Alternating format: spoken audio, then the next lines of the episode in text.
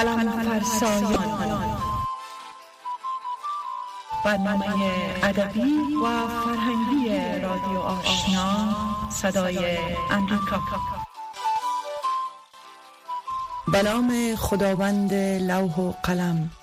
قلم قله بیدار نیکی هاست. قلم شکارگر زیبایی هاست که بسان مرواریدهای در صدف حوادث رنگارنگ آرام گرفتند شنونده های عزیزی که در هفته های اخیر برنامه های ما را تعقیب کردند آگهی دارند که سلسله گفت و شنود ویژه با شاعر و نویسنده افغانستان پرتب نادری را پی گرفته ایم. شاعری که شعرهای او عمدتا آمیزه است از عشق، زندگی، مسائل سیاسی و اجتماعی. توصیف طبیعت در شعرهای پرتب نادری توصیف است پوینده و هدفمند. پس از آفرینش های فراوان در قالب های کلاسیک و شعر نیمایی رسید تا اینکه از دیواره های کوتاه و بلند اوزان نیمایی آنسا گذشت و رسید بر سرزمین های ناکرانمند شعر سپید. در قالب های کهن پرتو نادری در سرایش مصنوی اقبال بیشتری دارد. شنونده های عزیز اینک سلسله گفت و شنود با پرتو نادری را دنبال می کنیم و بخش سوم را به سمتان می رسانیم. استاد محترم شما بسیار دکلمه زیبا می‌کنین و یکی از ویژگی های خاص در کارهای شما زمزمه اشعار خودتان است که واقعا هنرمندانه روش های خاص دکلمه می‌کنین که در قسمت شیوه یا شیوه های درست زمزمه شعر برای مخاطبان علاقمند به دکلمه شعر رهنمایی کنیم شعر گاهی من فکر می‌کنم که یک هنری شنیداری است. در گذشته ها همین گونه بوده مثلا در دربار سلاطین و اونها شاعران را می‌خواستند و اونها شعرهایشان را میخواندند و اونها جماعت میشنید. حالا هم خوب هنوز ما نشست های شیرخانی داریم. ولی چیگونه خواندن شعر که حالا دکلیمه میگن یک گپ بسیار مهم است. یک کسی که شعر دکلیمه می‌کنه باید اول اون شعر را بفهمد. شعر چگونه محتوایی داره؟ یک محتوای سیاسی است یا یک محتوای حماسی است؟ یک شعر تغزلی است؟ یا یک شعر نوحه است یک مرسیه است. حتی مرسیه ها هم شاعرانی که بسیار آگاهی دارند در وزنهای شاد نمی سرایند بلکه در وزنهای که خود وزن اندوه انگیزی می‌کنن در اون وزنها می سرایند یک مشکلی که ما داریم که من زیاد میشنم از گذشتم در تلویزیون رادیو تلویزیون افغانستان بوده یک نوع کش دادن و یک نوع تصنع در صداست شما چگونه خبر می‌خورین؟ مثلا در رادیو. بسیار عادی باید بخورین. نه اینکه گلوی خود را بسته کنین مثل نطاقهای افغانستان یک زمان این کارا می‌کردن از گلوی خود گلو رو بسته می‌کردن و میخوندن آدم میفهم که در این صدا یک تصنع است. خسته می‌شدن. شنونده. و خودی اون گوینده هم بعد از یک مدت زمان خسته می‌شد. شعرم باید بسیار عادی خونده شود. ولی کجا آهسته خونده میشه؟ کجا تیز خونده میشه؟ کجا پست پخش خونده میشه؟ کجا بلند خونده میشه؟ کجا وقفه است؟ کجا وصل است؟ اینا همیش برمیگرده به ساختار شعر و به اون محتوای شعر. یک دیکلماتور بگویم یک کسی که شعر می‌خوانه باید بتواند که اون تخیلی را که در درون شعر وجود داره ذریعه صدا برای شنونده انتقال بده و گاهی ما می‌بینیم که این گونه نیست. اول درست خواندن شعر یک کمال است و اینکه شعر را باز با اون حالت دیکلیمه بخوانیم او خو یک چیزی بزرگ است. بسیاری ها که مبالغه میگن میگه خودی از این هنر است. خب هنر اگر نباشه یک چیزی کمتر از هنر مثلا نیست. بدلی ازی که در شما شعر از طریق صدا اون تخیلات انتقال میدین و حتی اگر شعر درست دیکلیمه شوه او زمان تأثیر گذاریش بیشتر میشه. بسیار زیاد بیشتر میشه. شما مصنوی معنوی را به مانند شاهنامه فردوسی نمی‌توانین بخوانین و نباید هم بخوانین شما یک قصیده را دیگه گونه باید بخوانین و یک غزل دیگه شما شعری سپید به گونه خوانده میشه و یک شعر یک دو بیتی و روایی به گونه دیگه خوانده میشه. تنها صدا کافی نیست. یعنی صدا باید مهار شود و صدا باید با این محتوای شیر در بیامیزه و تا که بتواند شیر و محتوایش انتقال بدهد. من یکم دکلیمه ها میشنم و او چنان صداهای خود کش میدن و زرنالی می‌کنن که میگه که چی می‌خواه بگوی آدم. خب نیاز نیست دیگه. که یک تأثیری که از گذشته مونده باید همیشه صدا را گاهی تو کش داد و خواند که این یک کار درست نیست نه به شاعر سودی میرسونه نه به شعر. ولی به هر حال یک امر بسیار زیاد مهم است. آن گونه که شما خبر دارین ما شنیدیم که در کشورهای غربی در اروپا در امریکا هر شاعری که مجموعه شعر خود را چاپ می‌کنن بلکه با, با کتاب خود یک سیدی را هم نشر میشه یعنی بله. شعرهای خود را با صدای خود می‌خوانن. خب یک کسی سیدی را می‌برن در موتر خود وقتی که درایو می‌کنه هم شعر میشنه و هم رانندگی می‌کنه. حالا اون گونه شده. خب در افغانستان ای کاش که این فرهنگ رواج پیدا کنه که هنوز نکرده. پس بسیار مهم است که باید شعر را درست خواند. کلمات را درست تلفظ کرد. پیوند کلمات را درست ادا کرد.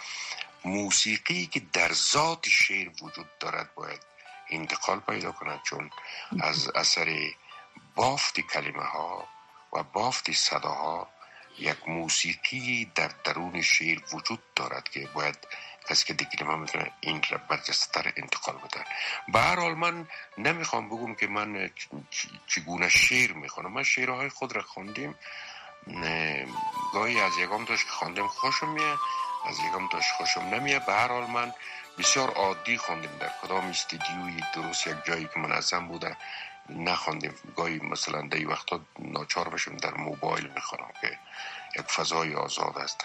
ولی یکم شعر که خواندیم فکر می‌کنم که یک تأثیر می‌تونه برای شنونده داشته باشد.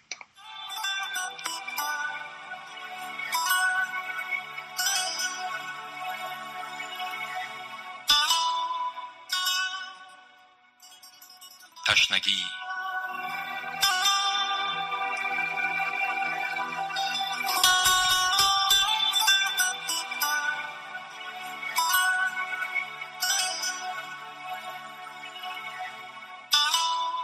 دستهایت در انزوای برج یک غرور کبوتران مهربانی را زندانی کردند دستهایت دو موج گریزانند که از ساحل سنگی دستهای من می گریزند دستهایت نیاز تشنگی دستهای مرا نمی‌دانند.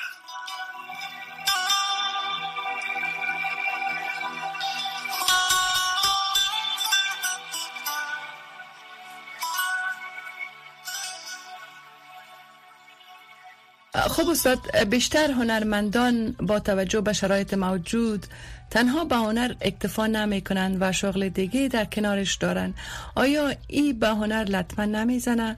پیشنهاد شما چیست؟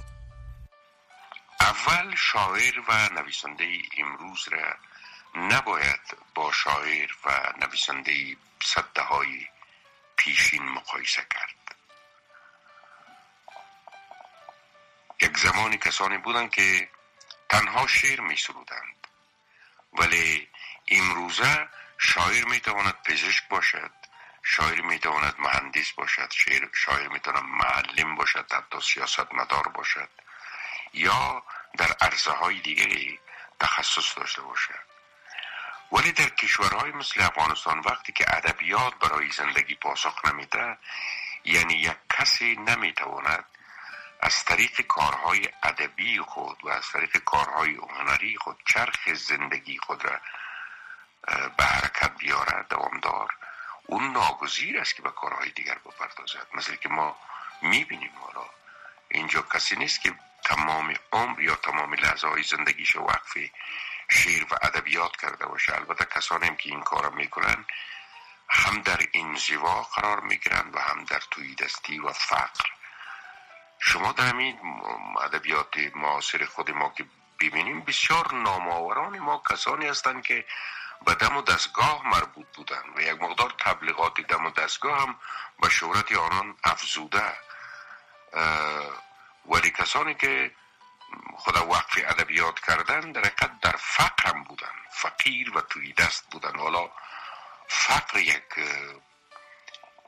یک وضعیت ناگواری است یک مفهوم بسیار زشت است که بسیاری از توانایی های انسان را از بین می‌بره حالا انسانی که همیشه در اندیشه نان در شب و روزی نان سه وقت خود است و بعد مشکلات بسیار زندگی خود اون نمی‌تواند که بسیار زیاد در یک آرامش فکری و روانی بینویسد و بیافریند. ولی این یک ناگزیری هست. حالا من نمی‌دانم در کشورهای غربی وضعیت چگونه است ولی دستی کم میقدر می‌فهمم که در کشورهای غربی وقتی که یک نویسنده به شهرت می‌رسه دیگر قلم او می‌تونه زندگیش به پیش بره مثلا کتابش به چاپ می‌رسه کتاب به فروش می‌رسه درآمدی که از کتاب های خود داره با وسیله از او می‌تونه زندگی خود به پیش بره ولی در افغانستان چاپ کردن هر کتاب به مفهوم انداختن یک مشت پولی نویسنده در آب است که یک درد بسیار بزرگ است و شاید همین مسئله خود سبب میشه که ما میزان چاپی کتاب را در کشور خود کم داریم.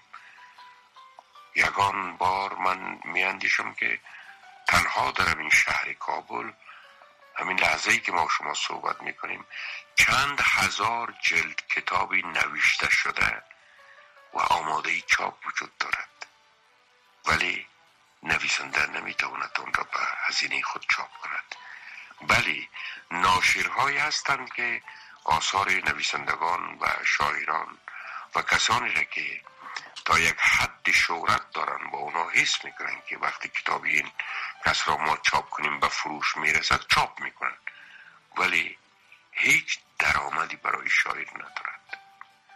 اگر ده بارم که چاپ کنه هیچ درآمد نداره فقط یک چند جلد کتاب با شاعر میده یک ده جلد یا بیست جلد کتاب میده میگه دیگه خدا حافظت برای همیش امتیاز اون کتاب برای اونا باقی میمانه و سرانجام کتاب را میفروشه و چند بارم چاپ می‌کنه و این خیلی خیلی دردناک است بسیار زیاد. متاسفانه که این مسئله در این اواخر حتی ذهن نویسنده و شاعر افغانستان را به حد رنج میده. به نظر شما مرز بین شعر و شعار چیست و معیارهای تشخیص شما در شعر چی می باشه؟ آیا میشه انواره و در همه حال بین شعر و شعار مرزهای مشخص و روشن تعیین و ترسیم کرد؟ شعر مثلا یک تعریف بسیار سادش کلام موزون و مخیل است. شعر مثلا گری خوردگی اندیشه و تخیل است. در زبان آهنگین. شعر در حقیقت زبان غیر مستقیم دارد. بله. و اگر کسی بگه که شب تاریک است او دیگر شعر نگفته. یک حقیقت بیان کرده ولی نه در زبان شعر بلکه او تاریکی شب را باید به گونه دیگه بیان بکنه شعر و شعار دو چیزی جداگانه است. شعار شما موضوع اندیشهی که دارین مطرح می‌کنین. مثلا نظام سیاسی در غرب بر بنیاد شعارهای سیاسی اجتماعی که مطرح می‌کنن عمدتا در انتخاب ها پیروز می‌شوند. و باید بفهمن که چگونه شعار را مطرح کنند که اون شعار بتواند مردم را به دور اونا جمع کند. ولی در میان شاعران سیاسی شاعران ایدئولوژیک که ما بحث می‌کنیم در وطن خود در کشور خود همیشه حتی گاهی شعرهاشان شعار برهنه بوده. مثلا کارگران و دیقان با هم یک شوید مثلا اینطور یک چیزایی. گاهی همین شعارها گونه زبان آمیخته یک زبان مقدار ادبی پیدا کرده با یک ایراه های ادبی. شاعران غیر سیاسی کمتر شعار پردازی می‌کنن. ولی در شعر مقاومت یا شعر پایداری باز این مسئله یک مقدار آمیزش شعار و شعر یک حرفی هست که وجود دارد. به دلیل که شعر پایداری یا شعر مقاومت در ذات خود یک شعر سیاسی است. چون شاعر مقاومت با آن در برابر وضعیت قرار می‌گیره و در برابر استبداد دستگاه حاکم قرار می‌گیره و در برابر تجاوز بیگانه قرار می‌گیره اینجا یک مقدار وارد شدن شعار در چه شعار کسی شعر بسرایی که کار خوبی نیست جز مواردی که اگر شعرها اونم با شعار نه بلکه شعرهایی که یک مقدار جنبه تعلیمی داشته باشه مثل یک شعار مطرح میگن که مکتب بروین مکتب رفتن خوب است. هر که مکتب رفت آدم می شود نور چشم خلق عالم می شود خودی از یک شعار است. ولی به هر حال چون یک پیام اجتماعی و آموزشی و اندرزگونه و این چیزا داره خب میپذیره. ولی همیشه شعار یک چیزی مخیل در شعر است. امروز متاسفانه هنر شاعرانگی با همه اهمیت و تأثیری که در ساختار فرهنگ ما دارد دیگر شغل به شمار نمی آید دلیل و یا دلایل آن به نظر شما چیست؟ و شاعر امروز چطور می‌تونه با شرایط ما حول خودش سازگار شود و هر دو بخش از زندگی را هماهنگ بسازه من فکر می‌کنم که این پرسش شما با اون پرسشی که پیشتر مطرح شد یک پیوند داره. تقریبا نظر محتوا یک چیز است. یعنی در گذشته شاعران به شعر می پرداختن تمام زندگیشان فقط سرای شعر بود مشغول شعر و شاعری بودن ولی امروز یک شاعر می بینیم که در یک معدن آهن مثلا کار می‌کنه. یک شاعر میگن یک شاعر می‌بینیم که انجینیر یا مهندس ساختمانی است. مثلا یک شاعر در شفاخانه میره و اونجا پزشک است. یک شاعر یک چیز دیگری. انسان امروز دیگه انسان تک ساحتی یا تک بودی بوده نمی‌تونه. انسان امروز در چندین بودی است. و این مسئله در افغانستان من که متوجه هستم شد در کلی کشورها و جهان وجود داره که باید در این باره هم نوشته شود. ما همکنون در شعر معاصر خود تعدادی از شاعرانی داریم که اینا اصلا ادبیات نخواندن. مثلا قاریاسی دانشکده زراعت رخواند مثلا سمی امید دکتر است. مثلا صبرالله سیاسنگ دکتر است. مثلا کازمی کازمی فکر می‌کنم که مسائل کیمیایی صنعتی یا این دو چیزها خونده.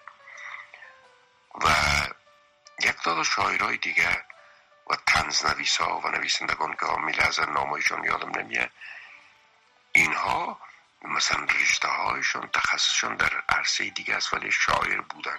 چون اون قریه شاعری اینا را به جهان شعر و ادبیات کشاند حالا اینا یا وضعیت به گونه میه که کاملا وقف میشن به شعر و ادبیات یا اینکه هر دوی از را به پیش می‌برن. به هر حال یکی مسئله زندگی است یکی مسئله آفرینش ادبی است. وقتی که آفرینش ادبی هم که پیشتر گفتم شما با آفرینش های ادبی خود نمی‌توانین زندگی کنید. پس چی کار باید کرد؟ خود نمیشه مثل شاعر دربار سلطان محمود نشست و یک قصیده گفت و سلطان یک خریطه از جواهرات یا سیکه های طلا و نقره به سوی شما پرتاب کنه. این گونه خود نمیشه. اینجا حتی در کابل در افغانستان حتی روزنامه ها و نشریه ها که مطالب و نوشته های نویسندگان چاپ میگن حق و زحمه نمی‌پردازن. حالا ای که کس با پول خود کتاب چاپ می‌کنه و فرض کنیم با پول خود کتاب چاپ می‌کنه یک ناشر او پیسه از اونم به گونه میبرزه که نفر صرف نظر کردن میره و سالها دوام می‌کنه اینطور یک حالت است. خب خود این وضعیت این یک چیز را میاره. به هر حال باز هر کسی یک برنامه در زندگی خود داره که چگونه این چیزا رو تنظیم کنه. نمیشه و خانواده از طریق من شاعر هستم گفته او را, را با گرسنگی شکنجه داد. من امیدوار هستم که این مشکلات حل شود. خود مردم حمایت کنند جامعه تحصیل یافته افغانستان شاعران و نویسندگان خود را حمایت بکنن کتاب هایشان را بخرن و تا اونا بتانن از این مدرک زندگی بکنن نشریه ها وقتی که مطلب یا نوشته و مقاله شاعر و نویسنده چاپ میده باید چه حق و زحمه بپردازه شما وقتی که تقاضا بکنید که ما می‌خوایم حق و زحمه میتین یا نمیتین باز یک سخن دیگه میگه که والای برای پیسه می نویسم من به یکم دفعه میگم که وقتی که شما یک رنگ مالا داخل خانه ایتان میارین اولین بحثتان همیست که خب چقدر پول برای تو پردازم خب یک شاعر شما فرمایش میده که برای من یک مقاله در فلان مورد بنویس. اون مقاله مقاله تحقیقی و حقیقی است میره یک هفته وقت خودم مثلا اونجا زایی می‌کنه هیچ تشکر هم میشه. تشکر. خب یک شاعر و نویسنده که یک مقدار در جامعه شناخته شده دیگر او کدام هیجانی برش دست نمیده که این مقالش در این سایت یا در این روزنامه یا در اینجا نشر شده باشه اصلا. این تعهد در حقیقت مسئولیتی است که شاعر احساس می‌کنه یا شاعر باید داشته باشد. شما که برای یک دوست خود حالا که نام نویسی نیست اگر فرض کن نامه می نویسین یا با یک دوست خود شما در همین شبکه های اجتماعی مثلا در فیسبوک می‌خواین یک پیام بنویسین شما یک مسئولیت و یک تعهد دارین. شما یک مخاطب خاص دارین. شما می‌خواین یک پیام خاص را برای از اونا برسانین و بعد کوشش می‌کنین که این پیام خاص شما یا این پیام شما با واجه های درست نوشته شود و یک متنی درست پدید بیاید. کل اینا مسئولیت است. شاعرم شعر می شاعر در برابر زبان خود متحد است. در, زبا در برابر زمان خود متحد است. در برابر محیطی که در آنجا زندگی می‌کنه او متحد است. در برابر خود هم متحد است. یعنی بله. وقتی که میگم فلان کس شعر خود شعر صمیمانه میسراید بیشتر هدفی است که او آن آن چیزی را که فکر می کند یا آن چیزی را که احساس می کند صادقانه می گوید نه اینکه از درون خود را سانسور بسازد. ما در دوران حزب دموکراتیک خلق افغانستان یک تجربه داشتیم که یک تعداد که اصلا حزبی بودن معتقد به اندیشه های حزب بودن و معتقد به برحق بودن همون نظام بودن. این هم شعر سیاسی حزبی یا شعر سیاسی یا شعر دولتی می سرودن ولی یک تعداد کسای دیگه هم که از نیمه راه گد شده بودن. نه به اون چیزا باورم نداشتن ولی برای که به بعضی از امتیازات حقیری برسن اینا هم شعر می‌گفتن. شما وقتی شعر این دو کس را به هم میخواندین شما می‌دیدین که شعر اون شاعری که متحد به حزب خود بوده و به راه و روش بوده و با مبارزه شده او بسیار صمیمانه است تا این شعر کسی دیگه و بدترین چیز برای یک شاعر همیست که او با خود صمیمی نباشد او با خود متحد نباشد. شما مثلا عاشقانه می‌ذاره یک عاشقانه ساختگی ولی در حالی که باید برخواسته از نهاد شاعر باشد. حال شعر عارفانه را شاعر عارف می‌تواند بسراید. نه کسی با آوردن چند مقوله از جهان عرفان و تصوف در شعر کسی شاعر عارف نمی شود. ولی در جهت دیگر پرسش شما شعر خوب یعنی گسترش شعر خوب گسترش شعر متحد آرام آرام برای خواننده هم تأثیر گذار است و خواننده را علاقمند می‌سازد به چنین چیزی یعنی وقتی که میگه شیر تعهد آور از شما پرسان کردین شیر تعهد آور برای یعنی می‌تونم مردم را به یک اندیشه اندیشیدن وا بدارد با شیر نمی شود جهان را تغییر داد بلکه با شیر می شود یک حیث و بینش در خواننده تولید کرد که اون بعدا به جای خود می‌تونه کار دیگه داشته باشد کارهای دیگه داشته باشد. آیا با باور شما اکنون خوانندگان شعر تعدادشان بیشتر است یا خوانندگان داستان و رمان؟ من فکر می‌کنم که تفکیک این که خوانندگان شعر بیشتر است یا خوانندگان داستان و رمان که البته عمدتا هدفتان جامعه افغانستان است. باید یک مقدار تحقیق شود یعنی این مسئله. ولی تا جایی که از فروش کتاب ها در کشورهای غربی خبر می شویم اونجا رمان است که سخن اول را میگه. یک رمان با میلیون ها به تیراژ میلیون چاپ بشه که اصلا قبول کردنش در افغانستان بسیار دشوار است. چون این جامعه است که شما کتاب که 500 جلدم که چاپ کنین حتما در پنج سال به فروش می‌رسه. یک دفعه متوجه میشین که نزدیکترین کسانتان هم نمی‌خواین کتاب را بخرن. و نزدیکترین دوستان هم بعد اینا انتظار دارن که او را رایگان هم بدست برن. یک فرهنگ نادرستی که به وجود آمده قبلا هم اشاره کردم به این مسئله. به هر حال من فکر می‌کنم که ای وابسته به جایگاه یک شاعر است. امروزه آزادی بیان یا مثلا آزادی نشر و تبی کتاب در کابل و افغانستان بگونه است که هر کسی هر چیزی که داشته باشد او را می‌تواند نشر کنه البته بعضی از انتشارات هم وجود داره که یک مقدار سختگیری داره ولی نه به او پیمانه ای که چی باشه. البته در جهان شما بهتر میدن نه تا در ایران مثلا ایران زمان شاه براتان بگویم که آره نیفهم چگونه است. کافی بود که یک کسی ببیند پشتی در پشتی کتاب نوشته شده یا دو شناسنامه کتاب نوشته شده که از فرض از انتشارات امیر کبیر است.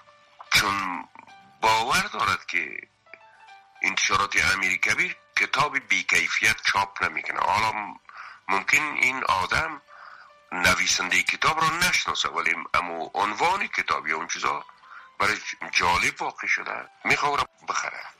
ولی در افغانستان این گونه نیست. در افغانستان یعنی به مقایسه گذشته که چاپ کتاب یک حالت بسیار بسیار شدید داره و البته در یکی دو سال آخر یک کمی کم شده و البته یک فرصت بسیار بسیار نیکو و خوب است. مسئله اینکه چگونه باید کاری کرد که میزان شیرخانی یا میزان مطالعه در جامعه بیشتر شود. این یک پروسه بسیار طولانی است. تصور ما ای است که هنوز مطالعه در افغانستان سطح بسیار پایین دارد و اگر یک ریسرچ صورت بگیره یا تحقیق صحوی صورت بگیره مثلا در شهر کابل از صد کتاب فروشی پرسش شود که روزانه اینا چند جلد کتاب به فروش میرسونن فروش کتاب ها بیشتر کتاب های مکتب ها است. کتاب های زبان است کتاب های مربوط به کمپیوتر آموزش کمپیوتر و این چیزها انگلیسی اینا بیشتر به فروش می‌رسه. یا ای که کتاب های کسانی که یک مقدار شهرت دارن و بعد خاطره نویسی می‌کنن. حالا این خاطره ها چقدر چقدر دقیق و چقدر نادقیق؟ این کتاب ها خیلی اگر نگوییم نسبت به شعر و ادبیات و این چیزها بیشتر است یعنی فروش بیشتر است. و شاید هم مطالعهش هم بیشتر باشد. ولی به هر حال نباید بسیار بدبین بود وضعیت از گذشته ها بسیار فرق کرده بسیار بهتر شده ولی هنوز اون چیزی را که انتظار داریم نیست دیگه به اون شنونده های عزیز نشست ما با پرتو نادری شاعر و نویسنده افغانستان ادامه دارد. بقیه این نشست و بخش اخیر را در هفته آینده پخش خواهیم کرد. تا شنبه آینده و درود دیگر پدرود